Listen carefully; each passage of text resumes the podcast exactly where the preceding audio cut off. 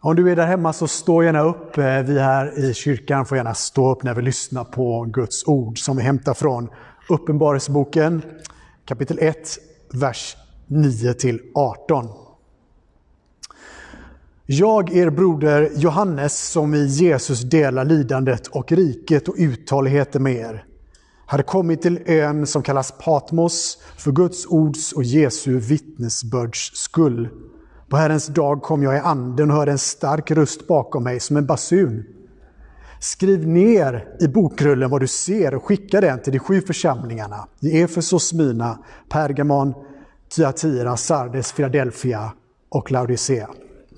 Jag vände mig om för att se rösten som talade med mig och när jag vände mig om såg jag sju ljusstakar av guld och mitt bland ljusstakarna en som liknade en människoson klädd i en hellång dräkt och med ett bälte av guld runt bröstet.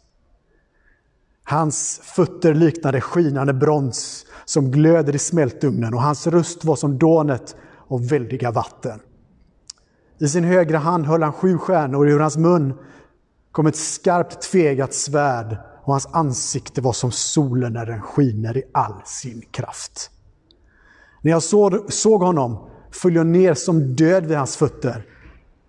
Men han la sin högra hand på mig och sa, var inte rädd. Jag är den förste och den siste och den levande. Jag var död och se, jag lever i evigheters evighet. Och jag har nycklarna till döden och helvetet. Så lyder Herrens ord. Gud, vi tackar dig.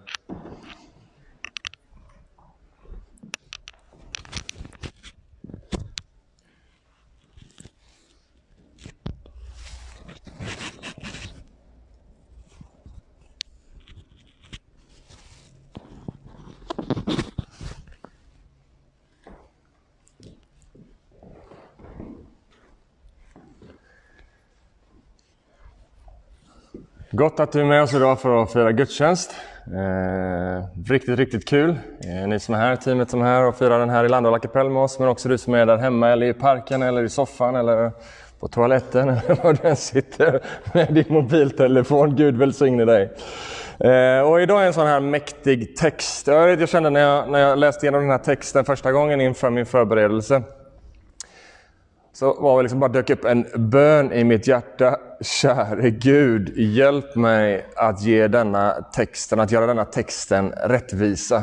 Därför att den är så mäktig i sig själv, eh, så djup av innebörd och sanning, eh, så det fick mitt hjärta att bäva. Men jag tror att det har landat gott i mitt hjärta och jag känner att jag är glad att få stå här idag för att förmedla Guds ord till dig.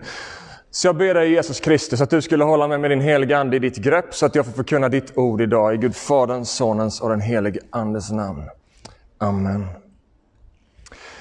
Dagens text är hämtad från Uppenbarelseboken som är skriven av aposteln Johannes mot slutet av det första århundradet.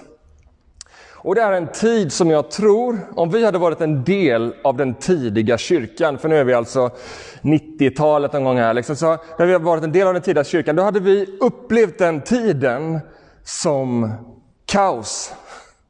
Vi är ju i vår serie nu som vi kallar Jesus i och kaoset, eller Jesus i kaoset. Och jag tror att hade vi varit en del av den tidiga kyrkan, den kyrka som Johannes var en del av, så hade vi beskrivit den tiden som kaos, som otrygg, som osäker, som jätteotrygg till och med. Johannes själv skriver, vi har hört läsas i texten idag, Johannes själv skriver, jag er broder som i Jesus delar lidandet och riket och uthålligheten med er. Jag hade kommit till ön som kallas för Patmos, för Guds ords och Jesus vittnesbörds skull. Så han skriver utifrån en position, inte av framgång och liksom bara lätthet och glätthet, utan han skriver utifrån en position av lidande. Som han också säger dela, sig, dela, att han delar dem med de kyrkorna han skriver till. Jag Johannes som delar lidandet med er. Och Johannes själv som är deporterad till Patmos. Patmos var en av de öarna som romarriket använde för att liksom deportera kriminella, upprorsmakare och, eh, och sånt folk. Och där satt Johannes, för han var skickad dit på grund av sitt vittnesbörd om Jesus Kristus. Därför satt han där. Jag vet inte om du har blivit deporterad för din tro. Men hade jag levt i ett land där det var en verklighet så hade jag kallat det för kaos. Det var en sån tid som Johannes levde i. Förföljelse av kristna. Mer eller mindre organiserad, som blossade upp här och var, lokalt men också regionalt och kanske också i hela romarriket. Vi vet åtminstone att det gjorde det senare skede. Och den samtida historikern, det finns en samtida historiker som heter Tacitus. Och han skriver om det här. Och han skriver så här eh, i en skrift från den här från 100-talet. Nero tillfogade, alltså kejsar Nero, tillfogade den mest utsökta tortyr på en klass hatad för sina styggelser, det av befolkningen kallade för kristna. Den mest utsökta tortyr. Bara 25 år innan Johannes, ungefär 25 år innan Johannes skriver Uppenbarelseboken och får de här visionerna, så anklagade kejsar Nero kristna för att ha orsakat en stor eldsvåda i Rom. Och i gengäld, det fanns ingen grund för det här, det var bara lösa anklagelser. Och i gengäld så använde han kristna, lyssna nu, som levande facklor. Uppspikade på pålar när han hade sina fester. Det är helt horribelt, det är så osmakligt man vill inte ens ta orden i sin mun, som levande facklor. Och Tacitus beskriver också i sina skrifter hur kristna kastades åt hundarna och att de korsfästes. Och Det är svårt att veta exakt hur systematiskt det här var, om det är liksom under liksom hela romarrikets tid, de första århundradena. Men vi vet att det här förekom och att det kulminerade i olika faser. Oavsett så var det i den här tiden som Johannes skrev Uppenbarelseboken, i ett sånt här skeende, i den här liksom osäkerheten. Samtidigt som det här skedde så utmanades också och förföljdes kyrkan från judiskt håll. De kristna kommer att bli uteslutna ur synagogorna. Jag vet inte hur man ska jämföra synagogorna men att bli utesluten från, eh, liksom i vår tid, men att bli utesluten från en synagoga, det var på något sätt som att lite förlora sin identitet. Att bli utesluten ur samhället, att bli utfryst. Så de kristna, de trängdes ifrån alla håll. Oavsett om det fanns perioder av lugn och det var mer tryggt på olika platser, så var det denna verklighet som den tidiga kyrkan växte fram i. Så när Johannes skriver Uppenbarelseboken så skriver han den till en utsatt kyrka.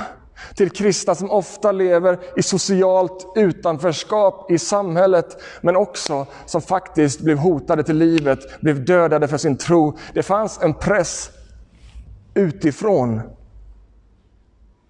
men det fanns också, ser vi i Uppenbarelseboken och vi ser det också i Apostlagärningarna och när vi läser breven, det fanns också en press. Kyrkan utmanas också inifrån.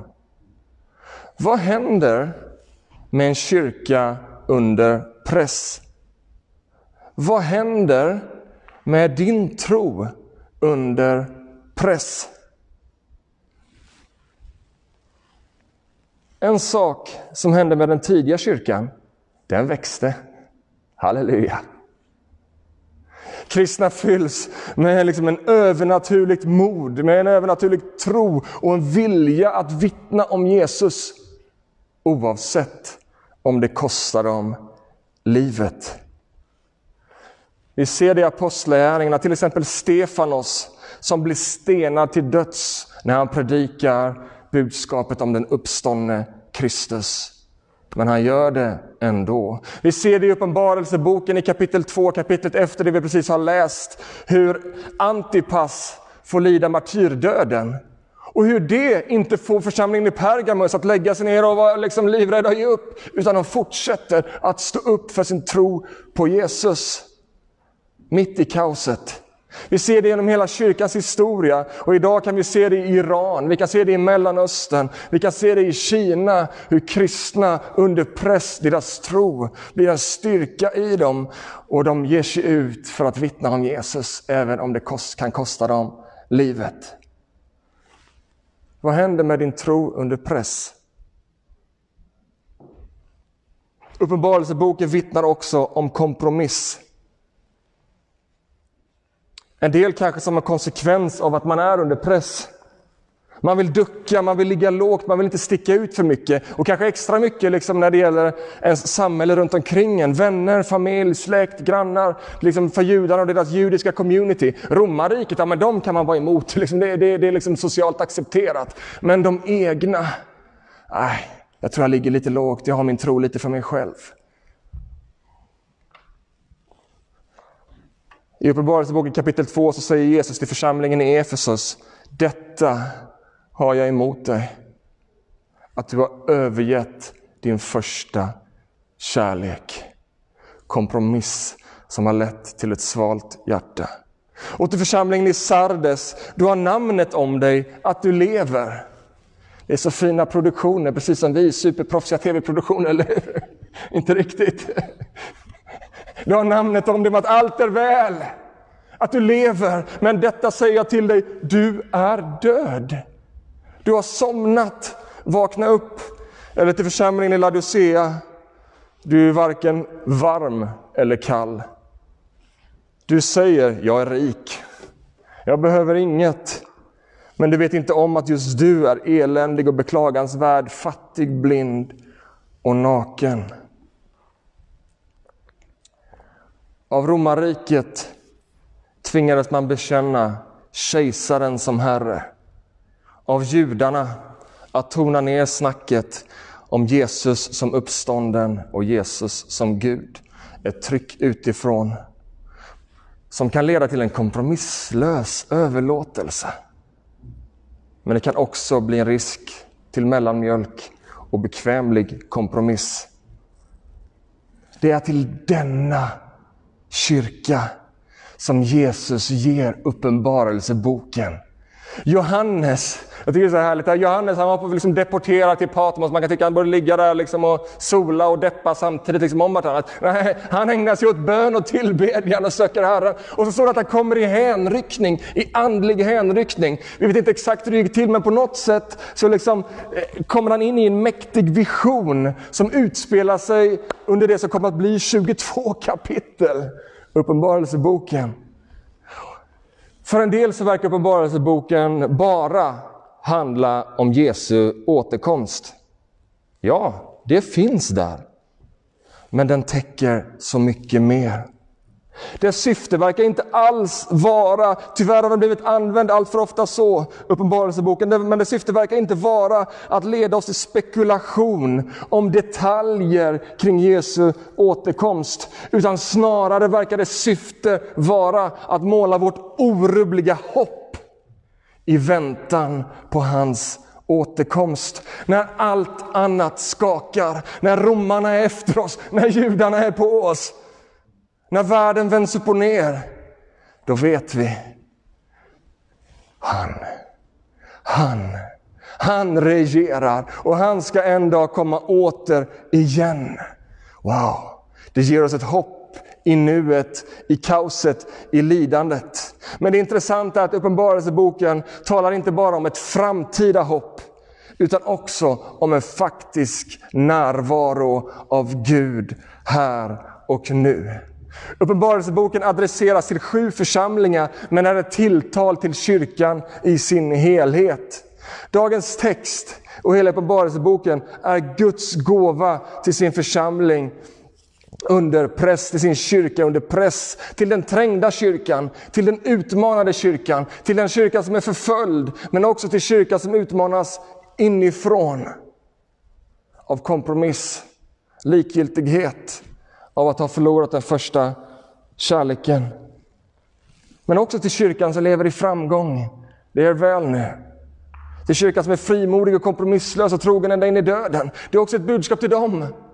Men det är också ett budskap till vi som lever i coronatider. Vad det nu än innebär för dig och ditt sammanhang och din tro och din församling. Det är ett budskap till oss här och nu. Och det första, jag tycker det är så häftigt, det första som Johannes får se i den här visionen som håller på i 22 kapitel. Det första han får se. Det är så mäktigt så han faller ner till marken som om han vore död. Vad var det han såg? Vad var det som Jesus visade honom? Jag vill stanna inför några få saker i den text vi hört läsas idag om den vision han fick se. Och Vi hörde från vers 12. När jag vände mig om så såg jag sju ljusstakar av guld. Han såg sju ljusstakar. Ja, vad var det för märkvärdigt med det? Ljusstakarna, som i det gamla förbundet representerar templet, platsen för Guds närvaro, mötesplatsen mellan människa och Gud. De här sju ljusstakarna är en sån tydlig allusion, en sån tydlig anspelning hämtade från Sakarja bok. Profeten Sakarja kapitel 4, där också Sakarja får en vision. Vilket talar till mig just nu att vi kanske borde se lite mer visioner. Vi kanske borde aktualisera det Paulus talar om i första Korinthierbrevet med de andliga gåvorna. Ett liv där Gud får tala till oss, där det får bli verkligt. Jag är lika säker på att Gud vill tala till oss idag. Men det är en annan predikan. Så det är en tydlig anspelning, Johannes får se en tydlig anspelning på Sakarja bok kapitel 4. Och där står det så här i vers 2, jag ser en ljusstake. Helt av guld. Med sin oljeskål upp till och med sina sju lampor. Sju rör går till de särskilda lamporna där uppe. Två olivträd sträcker sig över den. Ett på högra sidan och ett på den vänstra om skålen. Och jag frågade ängeln som talade till mig, vad betyder detta min Herre? Då sa han till mig, Herrens, här är Herrens ord till Zerubabel. Varken genom styrka eller makt, utan genom min ande, säger Herren Sebaot. Zerubabel detta är Herrens ord i Zerubabel. Zerubabel som var ansvarig för återuppbyggandet av templet. Hur ska det ske? Inte genom mänsklig styrka, utan genom min ande. Mot denna bakgrund får Johannes visionen om ljusstakarna. Och Jesus säger i Johannes syn att ljusstakarna nu representerar församlingen, Kristi kyrka. Ljusstakarna är församlingen. Vad är församlingens hemlighet? Att den är kopplad till källan. Sakarja, ljusstaken. Olivträden som täckte hela ljusstaken som växte upp runt om den och över den. Olivträden ger kontinuerlig olja till ljusstaken. Församlingen är kopplad till källan, till Andens kraft och liv. Din tro den brinner inte på grund av din förmåga att hålla tron vid liv. Ibland kan jag frumplas över i perioder. Hur kan min tro bara vara där? Jag hade en period i mitt liv där jag försökte springa bort ifrån tron under flera år. Men det gick inte att springa bort ifrån den. Därför att trons låga brinner inte för att jag är så urbota bra på att tro. Utan för att min tro är rotad i källan.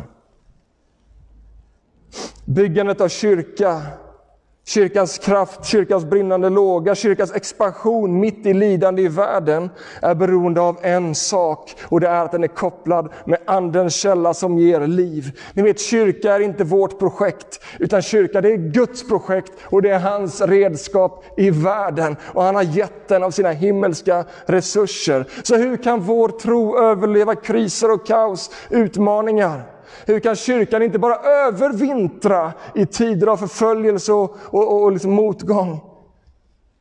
Hur kan kyrkan övervinna likgiltighet och kompromiss? Varken genom styrka eller makt ska det ske, utan genom min ande, säger Herren Sebaot. Och så kulminerar den här första synen som Johannes får se. När jag vände mig om såg jag sju ljusstakar av guld. Och mitt bland ljusstakarna såg jag en som liknade en människoson. Klädd i en helång dräkt och med ett bälte av guld runt brösten, bröstet. Hans huvud och hår var vitt som ull, som snö. Hans ögon var som eldslågor. Hans fötter liknade skinande broms, brons som glöder i smältugnen. Och hans röst var som dånet av väldiga vatten. I sin högra hand höll han sju stjärnor och ur hans mun kom ett skarpt tvegat svärd och hans ansikte det var som solen när det skiner med all sin kraft. Tänk dig att höra dessa orden i en kyrka som är pressad och utmanad från alla håll och kanter. Vem är det som står där mitt ibland dem? Men nu snackar vi inte perfekta kyrkor här. Fortsätter man läsa kapitel 2 kapitel 3 så ser man att okej, okay, det är kyrkor som har rätt stora problem. Vem är det som står mitt ibland dem? Och mitt bland ljusstakarna såg jag en som liknade en människoson. Människosonen är ett uttryck som är hämtat ifrån Daniels bok om den Messias som skulle komma. Ett uttryck som Jesus själv använde om sig själv, Människosonen. Och han säger själv i dagens text i vers 20 om att denna Människosonen som står bland ljusstakarna, det är han själv. Jesus är närvarande i sin kyrka. Allt för ofta så tror jag att vi missar det här mest basala och fundamentala, att Jesu närvaro är på riktigt. Kanske har vi en bild av att allt skulle vara så mycket annorlunda om Jesus faktiskt var närvarande. Om Jesus dök upp, men då hade det inte varit hål i mina byxor och då hade liksom det varit fullsatta kyrkor. Och om Jesus hade dykt upp, då hade det varit så mycket annorlunda. Men Jesus säger, jag står där mitt ibland er. Jesu närvaro är inte kopplat till hur problemfri och smärtfri tillvaro vi har. Den tidiga kyrkan, till och från under de första 300 åren, levde och växte mitt under brutal förföljelse. Det är till denna kyrka som Jesus uppmanar, jag är mitt ibland er. Att han är med dem. Jesus tar oss inte ur världen, inte ännu. Han tar oss inte ur världen, men han är med oss. Mitt i denna värld stukad av synden och dess konsekvenser. Jesu närvaro är inte frånvaron av utmaning och lidande. Men det goda nyheten är att Jesus är med oss mitt i skiten. Mitt i verkligheten. Förföljelse och pandemier är inte liksom tecken på eller exempel på att Gud har övergett sin kyrka. Det är exempel på en värld fast under syndens inflytande och villkor. Vad den tidiga kyrkan behövde höra, behövde se, det var en vision av Jesus och Jesus mitt ibland dem. En vision av att han inte har övergett dem. En vision av att han var nära dem, att han var med dem. Vad behöver vår kyrka höra i vår tid? Behöver vi ett annat budskap? Behöver vi en annan lite där glättig uppmuntran? Liksom? Nej, vi behöver, och varje tid behöver, en fräsch vision av Jesus Kristus. Och inte Jesus Kristus på ett moln, utan Jesus Kristus mitt ibland oss. Det är den andliga verkligheten. Vi behöver se, inte bara med våra fysiska ögon, vi behöver se med vårt hjärta, med vårt andliga liv, att Kristus är mitt ibland oss. Det behöver uppfylla oss. Vi behöver leva i denna sanning, i detta ljus.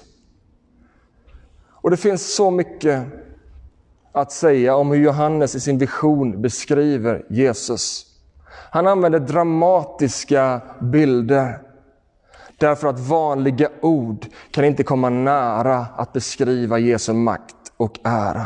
En dräkt lik en överstepräst, ett bälte av guld likt en kung, ett hår som bara wow, och ögon och en tron likt den gamla av dagar i Daniels bok. Ett ansikte som skiner av solen i all sin kraft, en röst likt ett mäktigt vattenfall och med en skärpa i sina ord likt ett tveeggat svärd och med en auktoritet som får både jorden och andevärlden att skälva.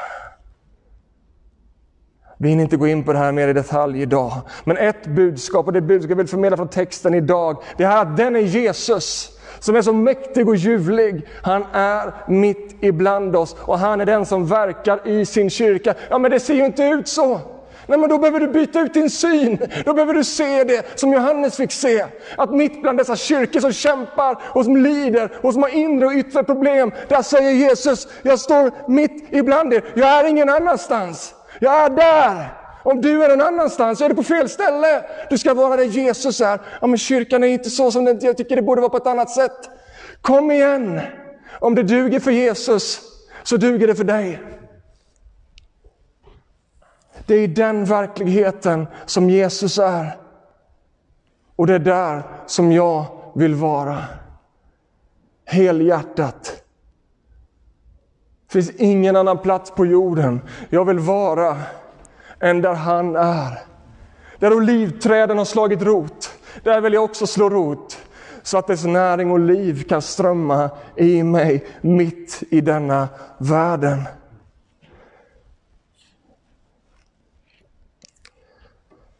Till sist. När jag såg honom föll jag ner som död för hans fötter. Men han, han la sin högra hand på mig och sa, var inte rädd. Jag är den första och den siste och den levande. Jag var död och se jag lever i evigheters evighet och jag har nycklarna till döden och helvetet. Var inte rädd. Är det någon som behöver höra det i den här tiden? Var inte rädd. Var inte rädd. Förra veckan så talade vi om Jesu inbjudan att ha frid i honom oavsett omständigheter. I dagens text, text så uppmanas vi att lämna våra rädslor till honom. Var inte rädd. Jesus säger kom med dina rädslor till mig. Kom med dem till mig, var inte rädd. Varför behöver du inte vara rädd? Därför att han som lägger sin högra hand på dig och säger var inte rädd. Han är den första och den siste och den levande. Ja, han var död, men han lever i evigheternas evighet och han har nycklarna till döden och helvetet. Var inte rädd. Han är av evighet till evighet. Han övervann döden i vårt ställe. Och han, han har för dig som bekänner hans namn, han har för dig som bekänner hans namn, han har för dig som bekänner hans namn, lyssna nu, låst dörren till evig död. Och öppnat dörren till evigt liv. Och den dörren kan ingen stänga. Därför att han har nycklarna till döden och helvetet. Han har låst den dörren för dig som bekänner hans namn. Du behöver inte vara, vara rädd, därför att han har uppstått för att du ska ha liv. Och han har tänkt att leva i evigheters evighet. Och han har tänkt att låta dig och mig få leva med honom i evigheters evighet. Och han har lovat att aldrig överge oss. Han står mitt ibland oss, han är mitt bland sitt folk. Och han har gett oss av Andens kraft och närvaro. Hans olja brinner i dig. Hans olja brinner i din församling. Och vi är kopplade med källan själv, källan till liv och gudomlig närvaro. Din seger över synden, din glädje i lidandet, din styrka i prövningen är inte beroende av din förmåga, utan om hans förmåga som mäktigt verkar i dig. Kristi kyrkas framgång i världen är inte beroende av vår styrka eller makt, utan genom hans ande. Se inte till det yttre. Gud har aldrig gjort det. Det handlar om källan vi är kopplade mot. Ni vet, Gud utvalde Moses. Han kunde inte ens tala. David som var den minste, han övervann den störste och blev kung. Därför att den väldiga makten, den kommer inte från oss utan ifrån honom. Kyrkan må se svag ut, den består ju av dig och mig. Men det handlar inte om oss. Det handlar om honom, han som är den första och den siste. Han som lyser så som solen, hans vars ord är som ett tvegat svärd. Vi är ljusstaken i vilken hans olja flödar och brinner. Och när vi ser med Andens ögon då ser vi att Kristus står mitt i sin kyrka och han kallar oss till sig. Amen.